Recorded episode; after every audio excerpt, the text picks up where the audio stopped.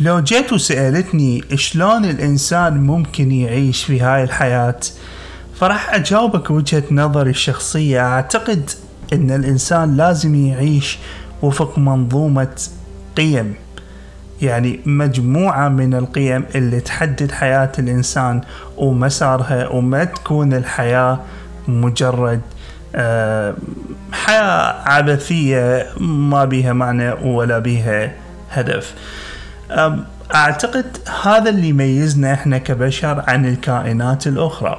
برغم أنا أعتقد هم يعني أن الكائنات الأخرى اللي نتشارك وياها المعيشة بهذا الكوكب هي هم إلها منظومة قيمية مختلفة عنا يمكن آه، بعضها قدرنا نفتهمه عن طريق العلم واللي توصلنا إليه وبعضها أو ربما أكثر من 80% ما نعرف شنو هاي منظومة القيم اللي تعيش وفقها هاي الكائنات. لكن في اعتقادي أكو منظومة قيم مثل ما أكو منظومة قوانين ماشي بيها الكون والإنسان. كل ما يتقدم بالعلم كل ما يحاول يعرف هاي القوانين اللي ماشي بيها الكون. وهاي القيم طبعا راح تجي كحصيلة لتجارب الإنسان اللي يعيشها في خلال سنوات عمره. ممكن أيضا من استماعه إلى تجارب الآخرين ولكن باعتقادي أو من تجربتي الشخصية أن التجارب اللي يعيشها الإنسان أو القيم اللي يتعلمها من هاي التجارب اللي يعيشها بنفسه من يعيش التجربة وشعور التجربة نفسه راح تترك أثر أو تزرع قيم جديدة وتشيل قيم قديمة تأثيرها راح يكون في حياة الإنسان أكثر من بس مجرد يستمع إلى قصص ناس عاشوا تجارب معينة يمكن دولاك الناس عاشوها في ظروف مختلفة عن الظروف اللي هو يعيشها. وأعظم قيمة بالوجود. أعتقد لازم الإنسان يحرص على أنه يعيشها بل يقاتل من أجلها هي الحرية. ومن هاي النقطة خليني أبدي أفوت في تفاصيل موضوع البودكاست اليوم وهو موضوع قيمة الحرية في حياة الإنسان. وأني دا أقلب في كتاب اسمه الأرواح المتمردة آه، وهو بالحقيقة عبارة عن مجموعة قصصية للكاتب والأديب اللبناني جبران خليل جبران كاتب معروف جدا. وحقيقة يعني أنا من من عشاق آه، هذا الإنسان. يعني نمط كتابته في الأدب عبارة عن موسيقى تنبعث يعني من, من الكتاب من الجمل نفسها اللي يكتبها. أنا أسميها يعني كتابات تحرر الإنسان يعني نوعية من الأدب الراقي آه، اللي تخلق فد روحية غريبة عند الإنسان.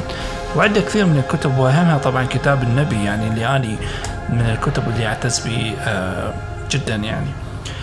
ولكن في هذه المجموعة القصصية اكو قصة لفتت انتباهي وهي اسمها قصة خليل الكافر. خليل هذا عبارة عن شخص يعني طفل ولد في بستان. هذا البستان تابع إلى مجموعة دينية. هذه المجموعة الدينية كانت تتحكم في هذا البستان.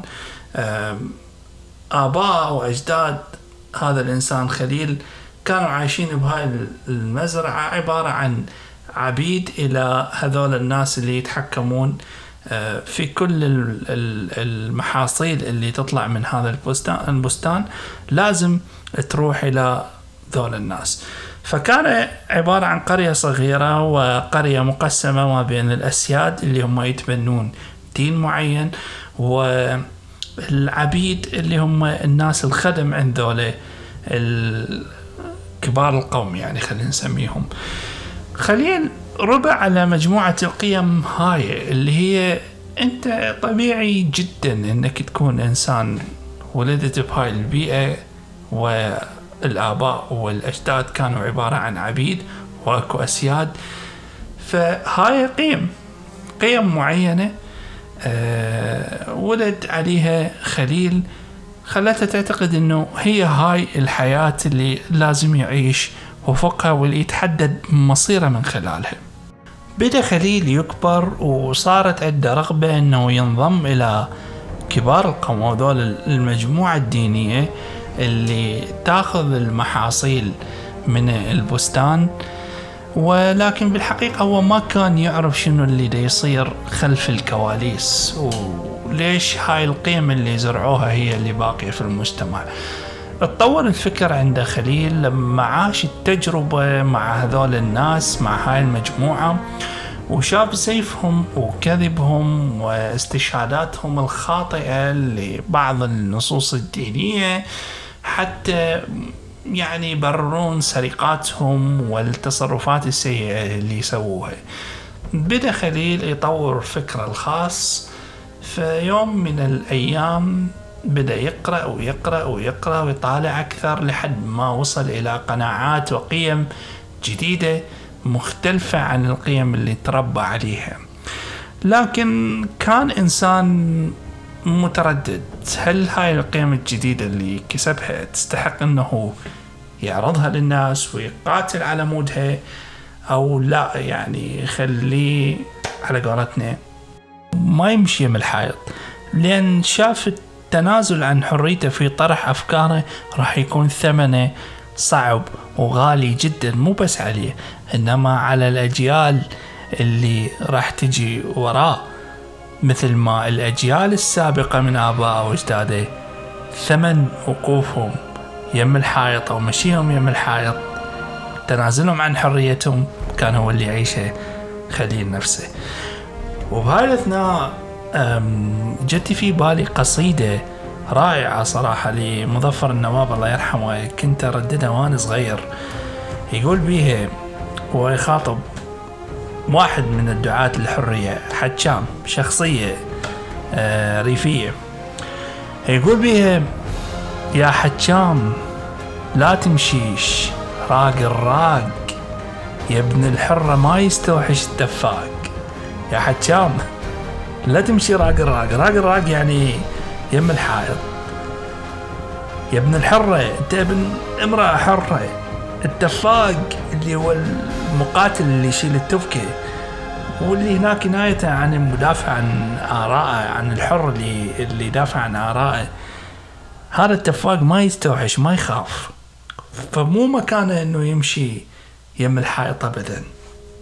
وهنا قرر خليل الكافر بعد أن يتحدث آه، عن آرائه والقيم الجديدة اللي تبناها بمنتهى الحرية ويرد على هاي القيم البالية اللي كانوا يتبنوها ذولا مجموعة من الناس. طبعا هم ما سكتوا واشتغلوا التسقيط من الجماعة وهاي القيم الجديدة كعادة المجتمعات غالبا في التاريخ ترفض القيم الجديدة. آه، فتبدي نوع من المقاومة خاصة على إنك تشيل القيم البالية اللي ترسخت في في أذهان الناس. وخليك خليك منتبه إنه الخليل الآن في هاي الجزئية اللي احكي بيها بده يخاطب ذول الأسياد بعد ما وصل إنه يخاطب ذول العبيد. وهاي بها موضوع آخر. أه فلما بدأ يواجه ذول الناس بدأ التسقيط يشتغل عليه فسموه الكافر. والكافر في نظرهم هم هو اللي رفض قيمهم اللي هم يعتقدون إنها قيم آه، إلهية وعظيمة ولكنها قيم بالية. فسموه بالكافر. ولكن الكافر في عرف جبران هو هم سماه خليل الكافر. ولكن يقصد بخليل الكافر اللي كفر أو رفض هاي القيم البالية وإجا في قيم جديدة ما تنادي بالطبقية اللي كانت موجودة وتنادي بالحرية. طبعا نتيجة لأفكار آه، وقيم خليل الجديدة. طردوه من هذا المكان اللي كان عايش بيه وطردوه في ليلة وصفها جبران بأنها الليلة الرياح تعصف بيها والثلوج في كل مكان يعني ليلة مرعبة. والكنايات والأوصاف اللي أطلقها جبران على هاي الليلة اللي تشرد بيها خليل هي اللي يريد يوصف لك إنه الثمن الحرية والقرارات اللي انت راح تاخذها وتكون حر في حياتك للأسف في الحياة ما راح تمر مرور الكرام بسهولة. لازم راح تواجه مصاعب وحياة يعني ظروف صعبة راح تواجه في حياتك لما تكون تقرر إنك تكون إنسان حر. لكن شوف الثمن اللي حيكون في النهاية وراح تقدر تقارن ما بين الثمن هذا وما بين الثمن اللي حتخسره لو ما كنت إنسان حر في حياتك. خليل آه جرت محاكمته بعد ما مضت عليه هاي الليلة الصعبة.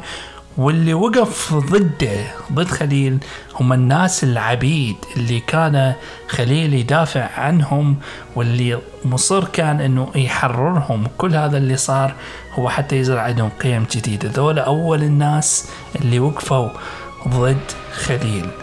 لحد ما قدر بطريقة بمنطقة بأسلوبه بالحياة اللي عاشها قدر يقنع ذول الناس أن يطلعون من هاي العبودية اللي هم عايشين بيها ويقررون أنه يتحرر جاء لقرار خليل اللي حرر نفسه اولا. تحرروا ذول الناس تحررت أفكارهم بدأوا يتقبلون القيم الجديدة اللي اللي أرادها خليل. بدأت تروح القيم البالية واللي كانوا يتبنوها بدأت تختفي من المجتمع. ثم بعد مرور خمسين سنة صار خليل الكافر يذكر على أنه نموذج للإنسان اللي تحدث عن الحرية ودافع عنها وفرض قيم جديدة. بالحالتين لما رفض آه، خليل القيم القديمة وقرر إنه يتحرر أو لما قرر إنه ما يتنازل عن حريته بعد في الحالتين كان أكو ثمن راح يدفعه. دائما أخذ هاي القاعدة في الحياة إنه دائما لكل شيء له ثمن قراراتك إلها ثمن. السلبية والإيجابية إلها ثمن. هاي قاعدة لازم نعرفها كنا في حياتنا. ماكو شيء من دون ثمن. لما تقرر تكون حر أكو ثمن أو لما تقرر تتنازل عن حريتك أكو ثمن. لكن اللعبة في الحياة هو أنك تقرر أو واحد واحد بينا يقرر أنه شنو الثمن الأصعب اللي حيكون في الحياة. مو بس الآن لأنه ربما تكون اللحظة خادعة يعني و تتصور إنه راح تكون مفيدة إلى القرار في الوقت الحالي. لكن فكر لي قدام راح تشوف إنه شنو القرار اللي اللي راح يكون بفائدة أكثر. في النهاية خليل واجه الصعوبات لما اتخذ القرار إنه يحرر نفسه بالأساس ولكن كان الثمن إنه عاش حر كإنسان عاش متصالح مع نفسه مع أفكاره ثم انتقلت هذا الشيء إلى مجتمع حتى ولو بمرور سنوات. صارت لي الفرصة وقدرت أطلع من العراق قبل سنوات إلى البلد اللي أنا بيه حاليا. قررت أو بالحقيقة أول ما وصلت إلى المطار كان بالنسبة لي مطار كبير جدا عالم. قريت عنه بالكتب ولكن بعد ما مستوعب هذا العالم الجديد اللي أنا مقبل عليه بقيم وأفكار مختلفة آه عن اللي أنا عشته قررت أنه أنا أعيد بناء آه قيم جديدة أتبنى قيم جديدة ممكن أني أستفاد من عندها أكثر من القيم القديمة. مو كل القيم القديمة اللي كانت عندي سيئة ولكن سويت نوع من إعادة الترتيب أو حاولت في البداية.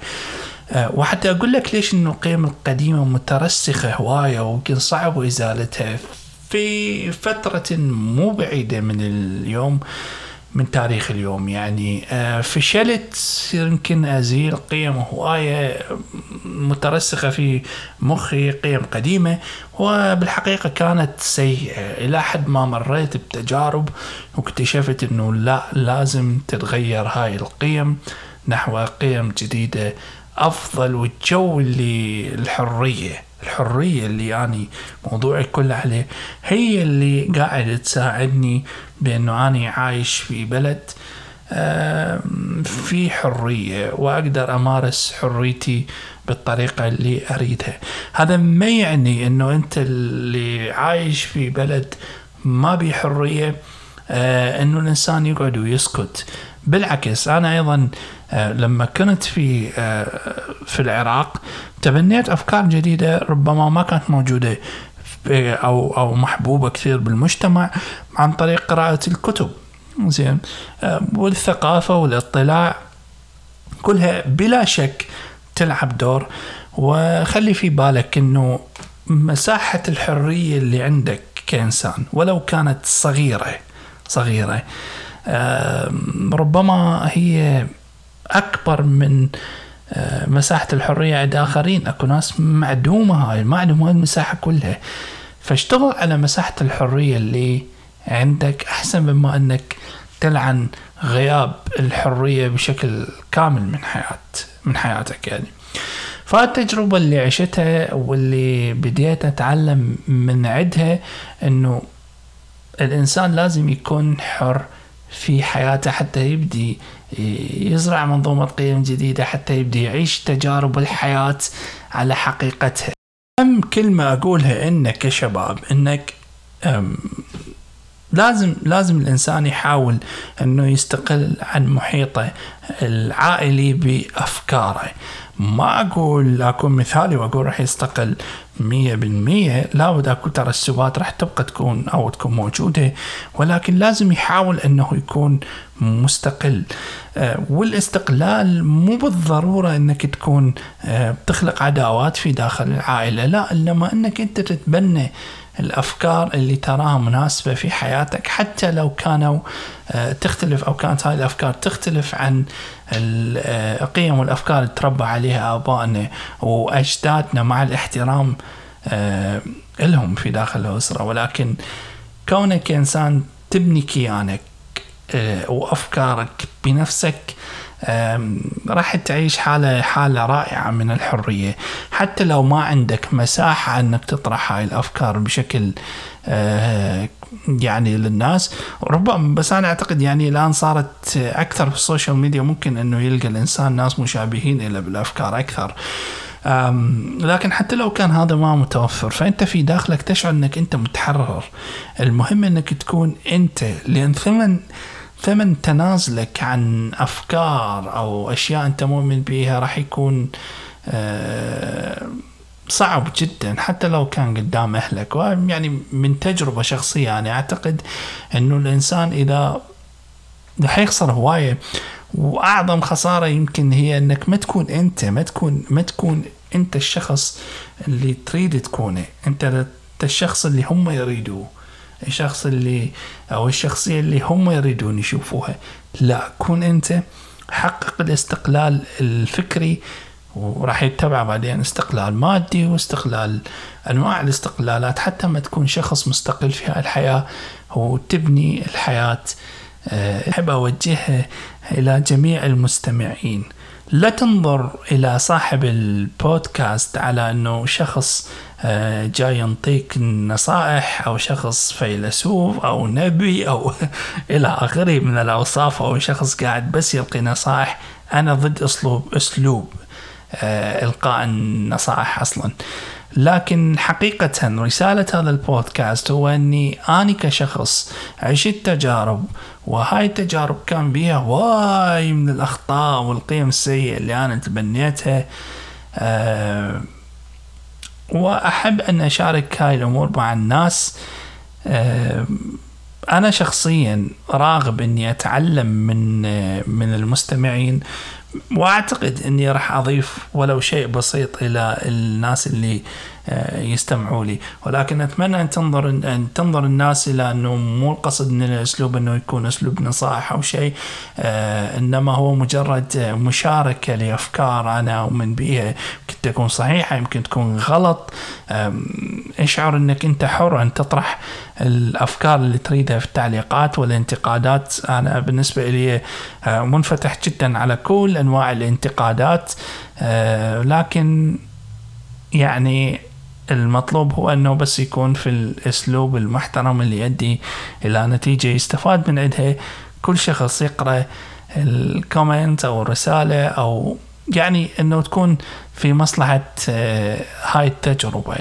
حتى نثريها أكثر ونتعلم شغلات يمكن أو أفكار جديدة ما مر علينا إحنا الاثنين. وأقصد آني وأنتم. وهاي كانت هي الحلقة. أو الصوتية الثانية من بودكاست حكايات كيدا وإن شاء الله أكو صوتيات آه، جديدة قادمة تحمل مواضيع أكثر وأكثر.